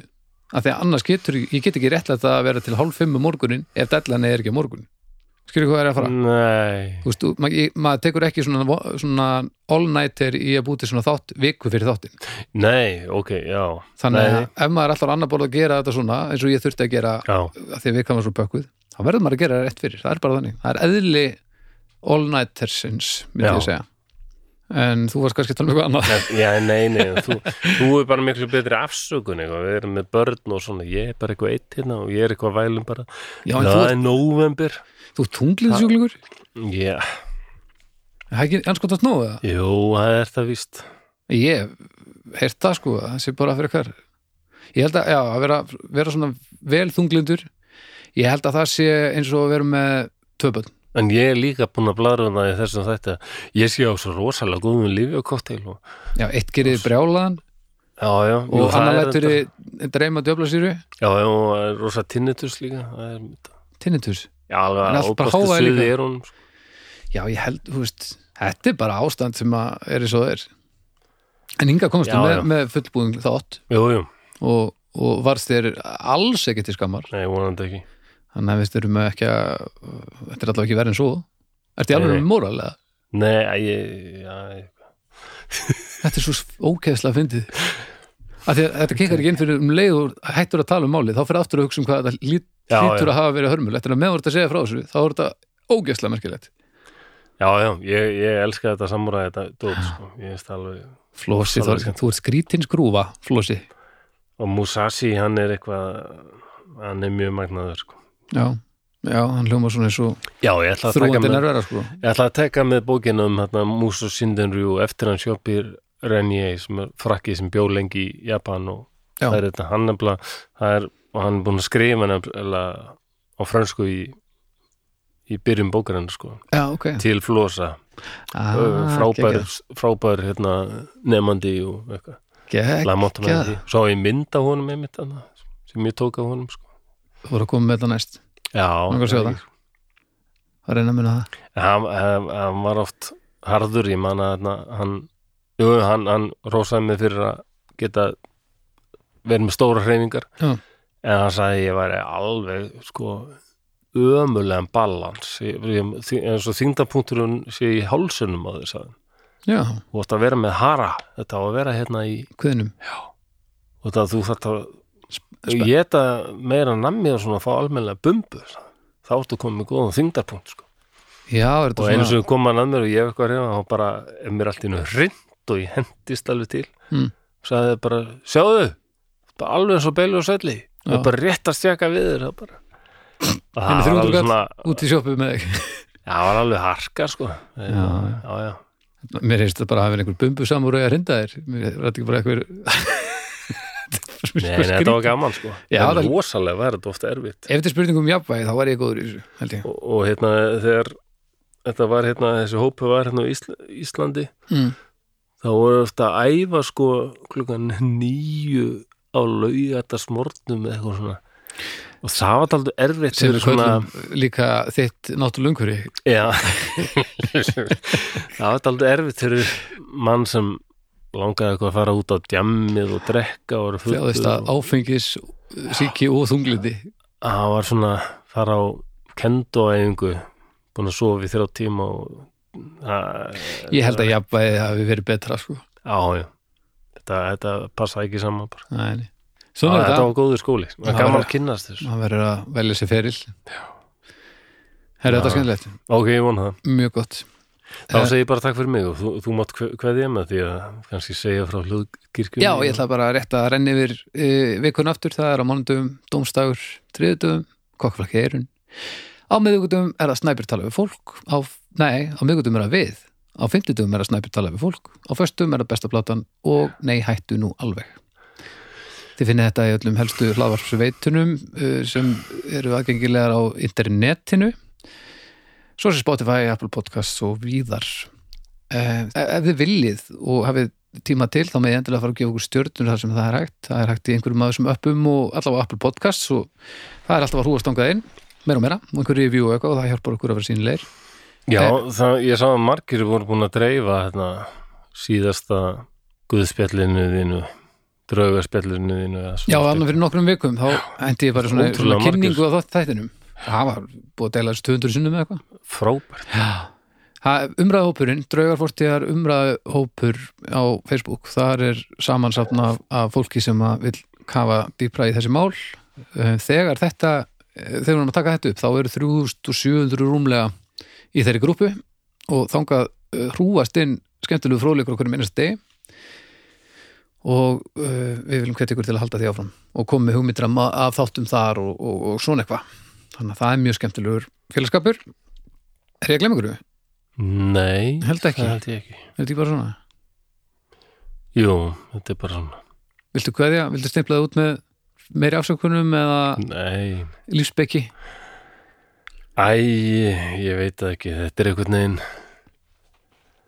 Nei, nei En fyrr eða síðar að verður maður að horfast í augu við raunveruleikan Ég var að hugsa um daginn að mér find, fyndist eins og ég væri moldvarpa sem var alltaf að flýja raunveruleikan og gref mig alltaf dýpra og dýpra hann í jörðina og hérna, eftir smá tíma að kemur raunveruleikin Ha, búin að finna þig. Þá var hann, nei, nei, nei, nei, nei, ég er að grafa mig dýpra og dýpra niður, fela mig. Finnur mig hann alltaf smá tíma og allt í hennu þá bara lendir maður á steipu, bara kemst ekki lengra í jörðina, það er bara klöpp. Þá verður maður bara að horfast í augur raunveruleikan ok, hvað viltu segja mér? Já, það er nú þetta. En- þetta er eitthvað pæling. En moldörpur eru svona, þeim líður vel ofan í jörðinni og eru búin að þróast í það að bara plumma sér vel þar. Já, þannig að þú grefur kannski bara aðeins dittra þá ertu bara í mold í góðu fjöri. Það er enda ágætt sko. Þannig að þetta var nú bara svona þetta, þetta, líkindamáli eitthvað. Já, ég, ég, ég veit það sko. Þetta, ég var að halda áfram með það en þú kannski ekki sérstaklega opinn fyrir því að ég sé að fokka mikið í moldörpu eh, þetta samlíkingunum er kannski ekki góð samlíking. En mér var eitthvað týrætt um þetta hennar bot sem að er svona eins og ég talaði um þessu viðtal við Snæbjörn sko að mm, mér fannst að árið nei út af því ég var líka að segja frá því á Facebook um daginn er ég að minnast þess að ég hefði ekki drukkið í 11 ár. Já. 11 ár 14. november mm og mér þætti svo vænt um hann dag núna af því að þetta var líka dagurinn sem ég bara ok, ég, nú er bara snúið þessu við. Ég enda bara á því að taka því líf eða bara einhvern veginn drepa mig eða Já, bara, þetta var eitthvað súrdagur ekki? Jú, ég bara já, ég vaknaði sem sagt pissublautur á gólfinu. og það er eitthvað Já, þitt piss ég held að þessi 900, 900 manns búin að læka sem sagt færslu á Facebook þar sem miðaldara maður byrjar því að segja einn daginn vaknaði ég pissublautur á gólfinu. Hanna og það er ekkert með hjörtu og allir búin að læka. Flottur, Já, já, finnst eitthvað fyndið við þetta þetta er líka svo fallegt. Já, ég held en þetta sko. var, þarna byrjaði bara þarna snýri ég eh, öllu við eitthvað neginn sko. Líka þetta er fyrir 11 árum, þú veist, ég held að það hjálpi við hlandlækið, sko, þú veist, þetta hefði live þá í hefði gæri vaknaði það er ég þetta röglega jafn mikið að hjörtum en þú veist að það er samt er svona gær, nei, alveg jafn er relevant en Já, veist, já. það er samt svona kannski erfiðar að díla við á rauntíma, sko. Jú, jú svo bara fylgdi náttúrulega sögunni já, leiti speil og sá bara einhvern já, 41 árs gamlan mentunarlösa mann var að svörstum lista í öllum böngum mm. en það, ok, hægt að drekka en líka eh, fara í, í meðferð sem sagt, hjá geðlætni og hugrana til þessi Já. meðferð og, og viðurkenna að bara leifa raunveruleikanum að segja bara við mig það er, þú er, er bara ekki allir lægið með þessu það er tíma bara að þú viðurkenna það. Er einmitt alltaf leið það er alltaf leið að segja það ekki eiginlega það með maður þessum moldvörpu rugli þarna já, það var gallsúr já, samlíking, sko. Þú, ekki, ég er ekki að segja að þú, erir fyrirtaks moldvarpa, sko en já, já, ég er samt ekki alveg að kaupa þetta. Er ekki til, okkur ekki minnst að einhver garðing, garðirsku fræðingar ætti að vera hlaðvarp og kalla það moldvarpið? Ó, nei. Já, hér Ég hugsa við hérna fyrir nú bara, Ok, stopp, já fyrir bara að segja þessu loki í dag. Já, ég held að, Ég þarf að fara á gráta í fóstustelling einhvers staðar. Já. Takk fyrir þetta, Flósi, bara að, að vanda. Takk fyrir að hlusta. Við heyrumst eftir viku. Bless